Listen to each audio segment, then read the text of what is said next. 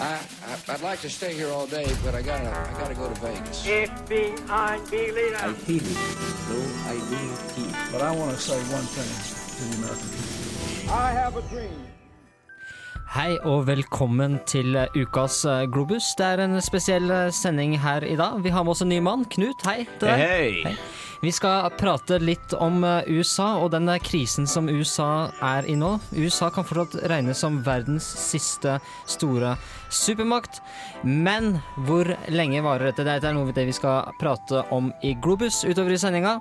Litt eh, om amerikansk kultur, litt om spesielle amerikanske fenomener. Det er jo også snart tiårsjubileum uh, for angrepet på World Trade Center. Men først så får du Jadan Blackmore med Quick Money. Du hører som sagt på Globus. Vårt eh, tema i dag er uh, USA. Uh, og jeg må jo spørre litt uh, de jeg har med meg i studio. Det er, først og fremst så har jeg med Helle Hamnevold. og Knut Aashammer. og så får vi se om Anders Småsund somler seg inn ettersom sendinga går utover. Knut og Helle, hva slags forhold har dere til USA? Har dere vært der? Ja, altså jeg har jo Jeg må jo nevne at jeg har tatt vårsemesteret i USA, da. Og før da så var jeg jo eh, Det her var på vestkysten, og før da så var jeg jo på østkysten og tok en liten rundtur, rundtur der. Så eh, ja, jeg har eh, Jeg vil si jeg har et veldig positivt forhold til USA, og jeg hadde veldig mange positive opplevelser der, altså. For det er jo noe som går igjen i Europa, at det er en god del skepsis til USA, og, og en del mennesker tror at amerikanere er ganske naive, kanskje litt dumme. Eh, fø- Følte du det, eller var det utelukkende positivt? Altså det er veldig eh, Det her er veldig individuelt. Altså det kommer jo an på Altså personer er forskjellige uansett hvor du er i verden. Og noen er selvfølgelig litt mer clueless enn andre. Da. Andre er jo eh, godt oppdatert og de vet hva som foregår rundt seg. Eh, vi skal prate mer eh, om eh, dette seinere. Først skal vi ta, ta med oss eh, de viktigste utenriksnyhetene eh, her på Globus. eh, og det er det jeg som står for, som eh, vanlig. En bombeeksplosjon utenfor den indiske høyesteretten i Delhi har drept ti mennesker og skadet 61. Bombene var plassert i en koffert rett foran bygningens sikkerhetssjekk, og traff som en følge av dette køen av mennesker som skulle inn i bygningen. Indias statsminister Manmohan Singh kaller bombeangrepet en feig terroraksjon, og at de skyldige vil bli funnet og straffet. Terrorgruppa Harkat ul Jihad al-Islam har tatt på seg ansvaret for angrepet. Denne gruppa har ifølge det amerikanske utenriksdepartementet tilknytning til Al Qaida, og en av lederne deres skal bli drept i et droneangrep i Pakistan i juni i år. India har lenge vært plaget med muslimske fundamentalister, bl.a. som en følge av landets konflikt med Pakistan angående Kashmir. I en uttalelse anklager den franske utenriksministeren Alain Juppé Syria for forbrytelser mot menneskeheten. Uttalelsen kom etter at syriske regjeringsstyrker angrep byen Hams og angivelig drepte syv mennesker. Mer enn 2200 mennesker er blitt drept siden protestene mot president Bashar al-Assad begynte for fem måneder siden. Og den franske utenriksministeren sa at måten Syria behandler demonstrantene på, var uakseptable, og at landet risikerte å få flere sanksjoner mot seg hvis ikke overgrepene stanser. Den syriske regjeringen på sin side hevder at opptøyene arrangeres av terrorister og kriminelle som må straffes. I Somalia har pirater sluppet fri en dansk familie som har vært holdt som gisler siden februar. En løsesum på 3 millioner dollar skal ha blitt betalt før de fikk slippe fri. Pirataktiviteten utenfor Somalia har lenge vært et problem, men har roet seg noe de siste månedene. På tross av dette har piratene fortsatt over 30 skip og mannskaper i fangenskap, og de utgjør fortsatt en stor trussel mot kommersiell skipsfart utenfor Afrika. Wooden Ships, det er altså med Black Smoke Rice. Før det så hørte dere nyhetene her på Globus. Du hører på Radio Revolt. Det her er Globus, Radio Revolts eneste seriøse utenriksprogram. det eneste som er igjen, det var litt tidligere. Uh, og hvis du har noen innspill, et eller annet du har lyst til å si oss, så kan du sende oss en mail på, til eh, globus etter radiorevolt.no. Vi tar imot ris, ros og kanskje temaer, hvis, noen, hvis det er noe dere har lyst til å høre om. Eller andre innspill som dere vil komme med. Eh, angående ukas nyheter. Syria. Kan det ordnes? Ja, altså det, det er veldig vanskelig å si. Altså den situasjonen som, som er der nå, det Ja. Det, jeg vet ikke Knut, har du noen innspill på akkurat det der? Nei, altså Den har ganske mange Den, eh, den ligner veldig mye på det som skjedde i Egypt, men store forskjellen er jo at eh, Egypt, som greide å arrangere demonstrasjon gjennom Facebook, det har ikke vært en lik eh, sammenslutning i Syria. Det er ingen ledere, eh, klare ledere i Syria. Og når man ikke har en klar leder eller en klar sak for å kjempe for, å ha en felles leder, så blir det veldig vanskelig å slutte opp og få en organisert eh, I dette tilfellet organisert motstand mot det totalitære styret. Så det blir litt problematisk. For, for ikke å snakke om det at uh, i Egypt så gikk militæret ganske tidlig ut og sa at vi vil ikke skyte på uh, folk som driver med demonstrasjoner. Og, og, vi er ikke villige til å støtte et regime hvis, uh, hvis folket går imot det. Det tror jeg er sentralt i akkurat den situasjonen vi har i Syria nå. Hvor du har et militære som er helt avhengig av den politiske ledelsen, og et politisk ledelse som er helt avhengig av militæret. Og de to organene innenfor staten de kommer til å fortsette og kjempe for å, for å beholde denne, denne, makten eh, de har. Uh, så vi får, vi får, se hvordan det går. Og det er også en ganske sterk, uh, sterkt militærvesen i, i, Syria, i motsetning til f.eks. Libya, hvor du så at militæret i utgangspunktet var svakt, selv om, selv om Gaddafi da hadde elitestyrker som han etter hvert satt, satt mot opprørerne. Men han, han fikk altså ikke tida til å, til å bruke de skikkelig. Ja, bare litt sånn Apropos eh, Libya og Gaddafi. da Jeg så senest for en time siden at mm. uh, opprørerne, eller at kilder har sagt at uh, nå har de faktisk omringa Gaddafi, da, uten å gå mer i detalj om uh, sted eller ja, andre situasjonsbeskrivelser. De, de, de ville, ikke, vil ikke, si hvor han var, altså? Nei. Nei. Ryktene var jo at før, dette, før denne reportasjen kom inn, at, at han muligens flykta til Algerie ved at man, mot den algeriske grensen. Ja. Det var, kommer fordi det var en del av familien hans som flykta dit. Eh, Seinere så, så, har dere sikkert fått med dere også at eh, det var eh, en, eh, en sånn panserkonvoi som eh, dro ned til, til, Niger, var det det var? Mm. Eh, og kryssa grensa med, med, gull, dollar og euro, ja. sier de. Så, så. for rottene forlater det synkende skipet, ser det ut som. Somalia så går piratvirksomheten sin treiste gang. Det går litt dårligere for de nå. Ja, ja, som sagt at uh, det går lavere. Det har vært mindre piratangrep. Og uh, det med situasjonen også i Somalia, det er uh, Det har ikke vært særlig mye bedre, men regjeringen har fått litt mer fotfeste i landet og kan på en måte da ha en grunn til at det har vært mindre piratangrep. Men forholdsvis hele landet har jo vært mer eller mindre eh, lovløst. Mm. Eh, det ene gang jeg tenker på Somalia, så, så spør jeg meg sjøl hvorvidt det er faktisk mulig å kalle det et land. Det er iallfall ganske vanskelig å kalle det en stat, eh, sånn som du definerer stater. For du har altså meget sterke opprørsgrupper, altså muslimske fundamentalister eh, som har kontroll over store deler av landet. En ganske svak regjering som mm. får støtte fra utlandet, men som har uh, veldig lite kontroll. Og eh, gærninger og gjenger som altså seiler rundt og, og kaprer utenlandske skip. Eh, det er eh, nærmest anarki i Somalia nå. Og det, det, ser du jo bl.a. på den sultkatastrofen som vi har. Mm. Det Hjelpen eh, kommer ikke fram, og, og folk, eh, folk har, det, har det ille, rett og slett. Eh, det var i hvert fall, Da prater vi litt om uh, nyhetene her uh, på Globus. Vi skal gå videre i sendinga etter hvert. Nå får du først Bon Iver med låta 'Towers'. og så håper jeg at du fortsetter å høre på oss ettersom sendinga skrider fremover. Bon Iver, det der med eh, låta 'Towers' her på Radio Revolt. Nå har vi fått med oss eh, Anders Småsund i studio. Anders, hvordan har du det? Hei sann. Eh, jeg er litt tatt i alt som heter bihula, men utenom det så går det greit. Jeg tror det er noe som går. Det er mange som er syke for tida. Mm. En annen ting som er sykt, det er for så vidt den amerikanske økonomien. Ja, det kan man gjerne si. Altså, det, jeg har sett litt nærmere på det som ble oppdaga av diverse uregelmessigheter på på Wall Street i 2008, og etter da så har det jo egentlig vært en nedadgående spiral for den amerikanske økonomien. Mm. For det, det, er noe som eh, etter hvert som man fant ut at uh, nå får vi en skikkelig downturn i økonomien, så ble flere og flere saker uh, åpna. Flere og flere selskaper, det ble bevist at flere og flere selskaper var uh, egentlig råtne helt uh, igjennom. Så Helle, vi tar bare og hører på det du har å si, så prater vi litt om det seinere.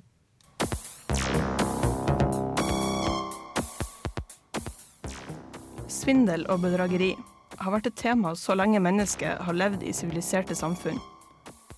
Og omtrent like lenge har vi latt oss lure av falske løfter og muligheter som bare er litt for gode til å være sann. I kjølvannet av den globale finanskrisa i 2008 så man en rekke avsløringer av storsvindlere på Wall Street. Og mange avislesere har nok fått en smakebit på hvor hard og kynisk finansverden faktisk kan være. I USA oppretter man en egen komité for å etterforske årsakene bak finanskrisen. Financial Crisis Inquiry Committee, eller FCIC. Etterforskninga avslørte flere bedragerier av massive proporsjoner. Blant annet ble det avdekka en rekke forhold der ansatte i boliglånssektoren hadde levert feilaktige regnskap til styret. Og dette igjen ble utpekt som en mulig årsak til boligmarkedets kollaps. Den mest kjente avsløringa i dette tidsrommet var imidlertid innen investeringssektoren. I desember 2008 avdekka FBI det som omtales som en av historiens største bedrageri foretatt av en enkeltperson, i Wall Street-firmaet Madoff Investment Securities. Som børsmegler, finansrådgiver og tidligere Nasdaq-formann var Bernie Madoff en av de store navnene på Wall Street. Da svindelsaken nådde rettssalen, anslo aktor at svindelens totale størrelse lå på rundt 65 milliarder dollar. I ettertid har tallet imidlertid blitt redusert til å ligge nærmere 17 milliarder. Men dette er jo likevel ingen liten sum.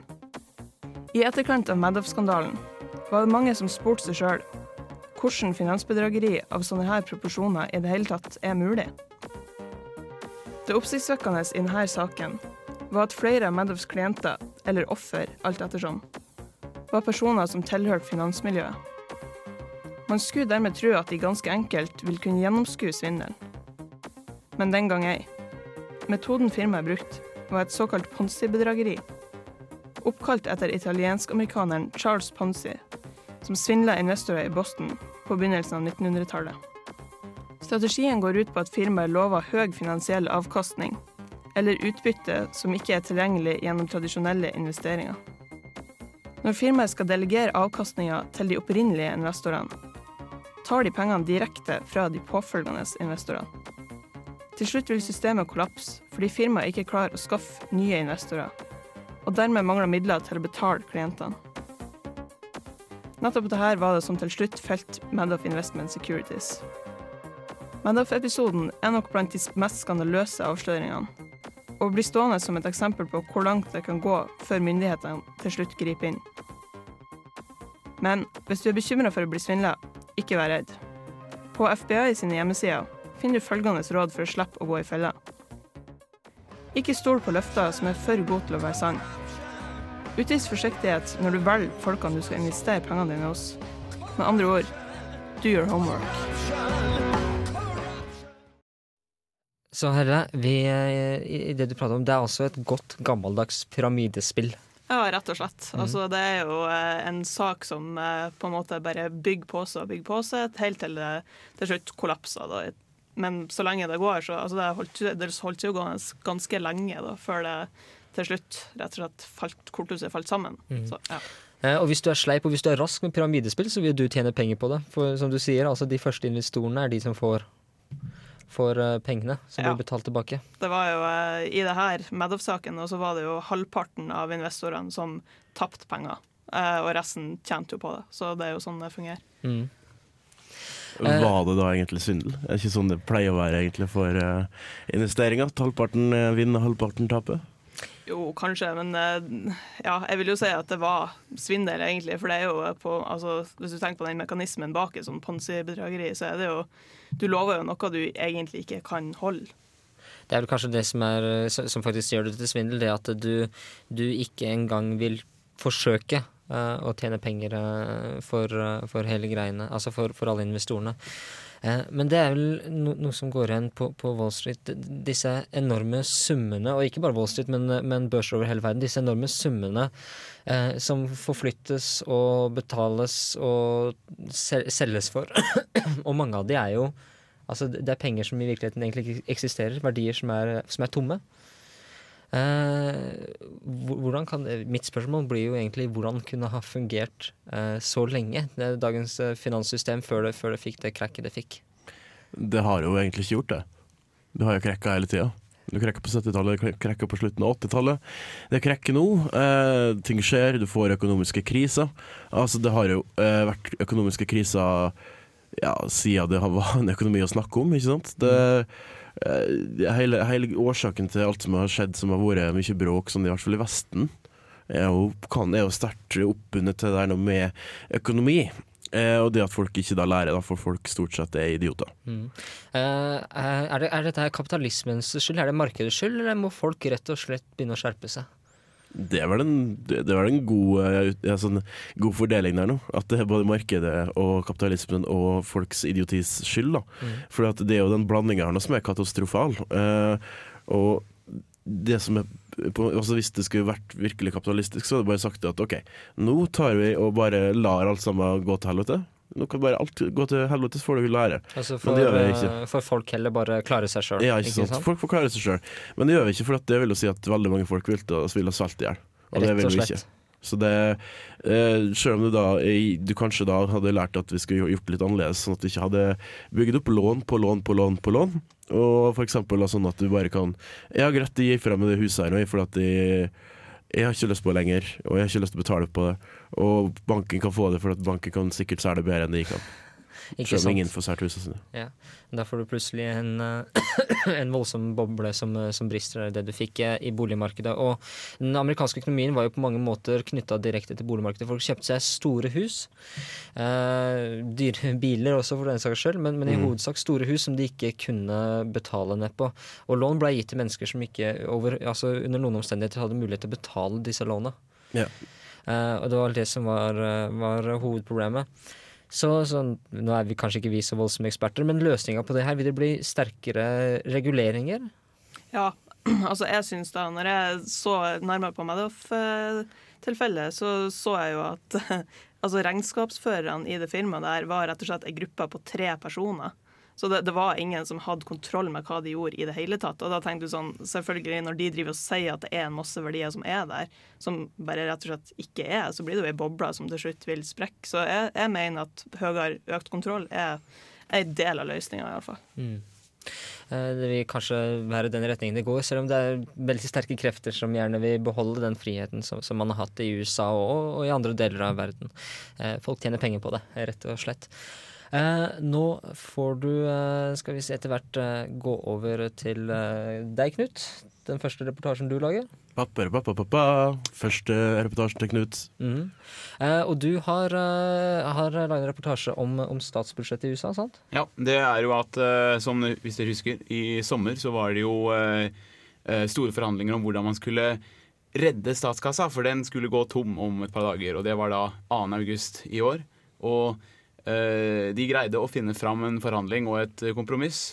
Problemet var at, som vi alle vet, at eh, USA har utrolig mye gjeld i lån, og de må fortsette å låne for å holde landet i gang.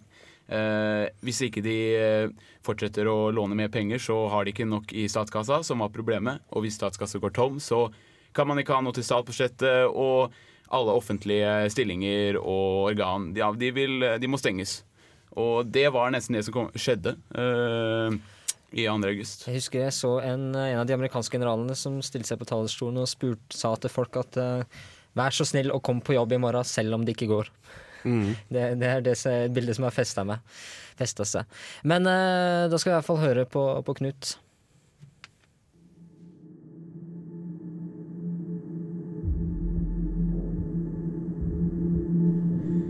Krisen rundt statsbudsjettet i USA er en naturlig utvikling av finanskrisen. Mindre penger å trutte med betyr også mindre å bruke i statsbudsjettet. Men statsbudsjettet trenger penger for å holde landet i live. Løsningen for USA er større lån. Men større lån gir også større gjeld. Og gjelden vokser hele tiden. Denne midlertidige løsningen har hele tiden vært et stort problem. Men aldri har USA vært så nært konkurs enn noen gang tidligere. Selv om USA slapp unna denne gangen, går det mindre og mindre tid mellom hver budsjettkrise. Men hvorfor er denne gjeldskrisa plutselig et problem? Manglende midler til å opprettholde statskassen eller statsbudsjettet har store konsekvenser for ethvert land. Dette scenarioet var nært å bli realiteten i USA. Hvis statskassen går tom, vil ikke USA ha penger til å betale sine lån, som nå er over 14 694 milliarder dollar.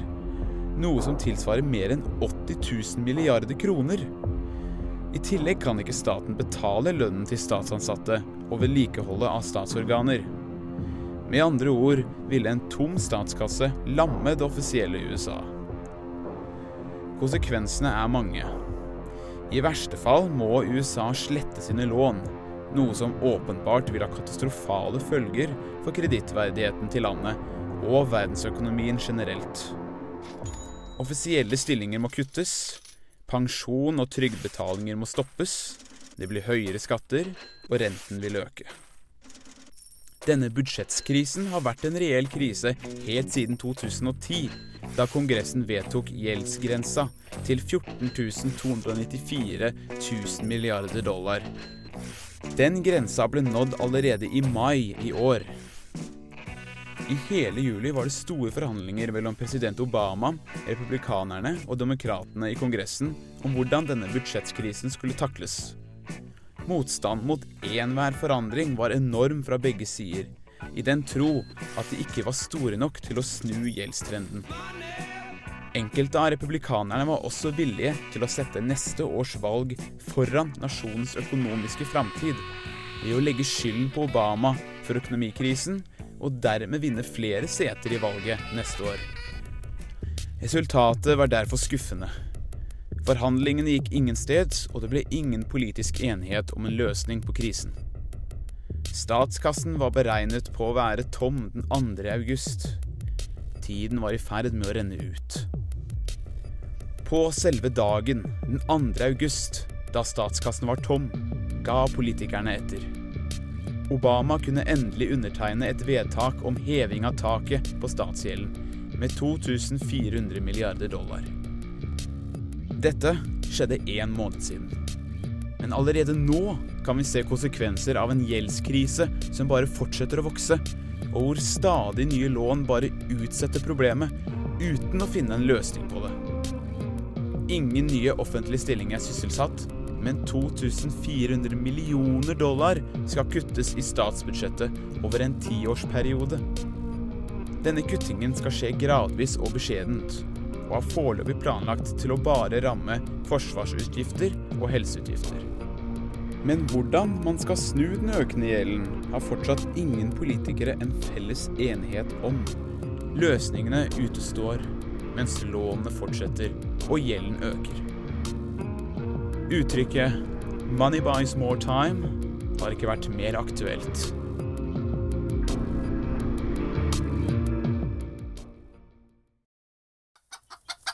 Ukas alternative synspunkt. Det er tid for eh, ukas alternative synspunkt, eh, og denne uka her så er det Anders som har syntes at det har vært en god idé å ta for seg eh, mormonere. Og i den anledning så har han fått til et intervju med de. De siste dagers hellige, også omtalt som mormonere, er fellesbetegnelsen for flere trossamfunn som bygger på læra til den amerikanske religionsstifteren Joseph Smith. I tillegg til Bibelen anser de Mormons bok som en hellig bok som er nedskrevet av Smith. De legger vekt på bl.a. familieliv, tjeneste og misjonsvirksomhet. Det langt største samfunnet er Jesu Kristi kirke av siste dagers hellige, og de har også misjonærer her i Trondheim. Jeg tok med meg to av dem inn i studio for å høre litt om hvordan det er å være misjonær i Trondheim. My name is Sister Floyd, and I am 21. I come from the United States, from Washington State, and I'm here in Trondheim um, as a missionary for the Church of Jesus Christ of Latter day Saints. Um, my name is uh, Sister Mergens. I'm 24 years old, and I'm also from the United States, from Washington, Seattle area. And I'm also here in Trondheim in Norway to be a missionary for the Church of Jesus Christ of Latter day Saints. Uh, what makes you go to Europe to do missionary work or to Scandinavia or Norway? Actually, it's something that is decided for us. We volunteer to be a missionary, and we have a prophet who receives inspiration to where we should go in the world. And so it was chosen Europe, Norway for us. How did you end up uh, becoming missionaries then?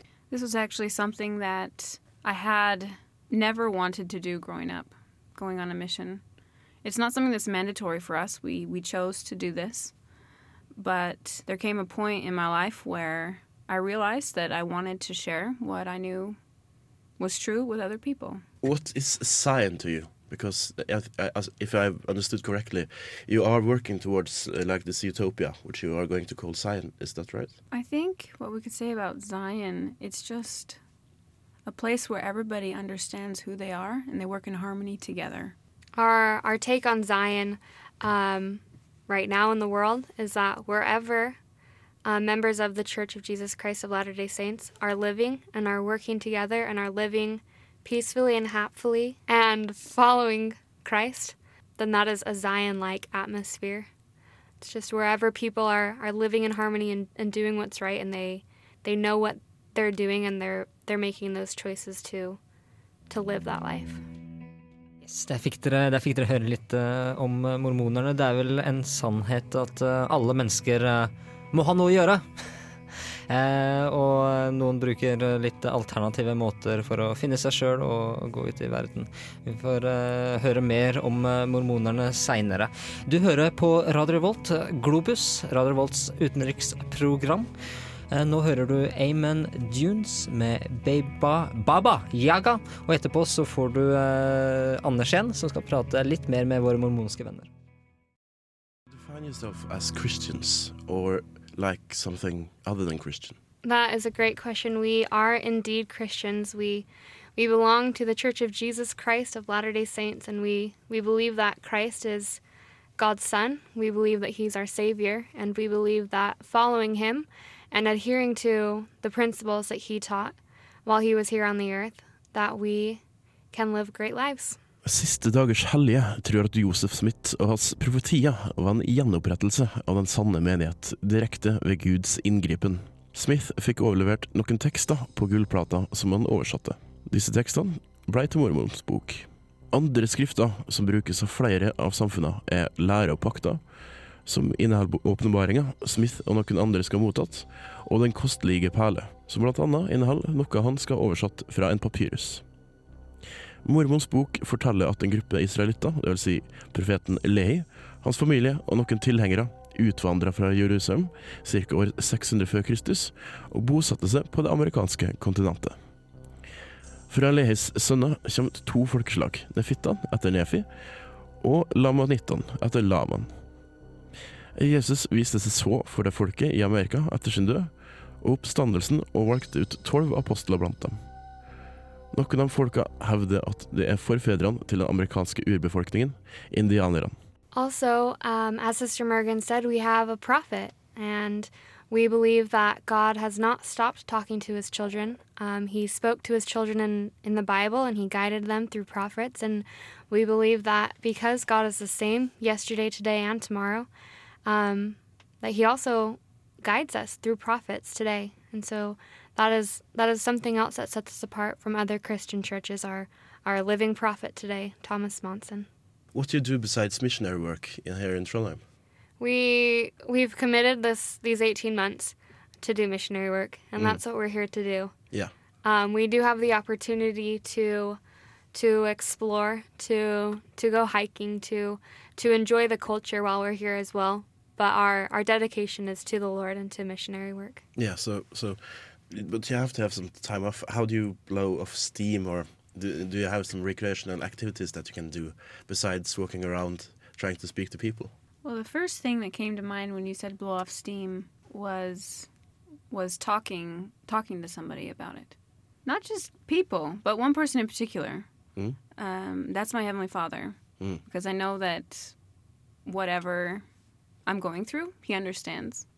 So when I'm having a, maybe a little more of a difficult day, I know I can always talk to Him, and I always feel better This is. FM 100, fighting the evil, music for the people. Keep it locked, lock it off. One more time.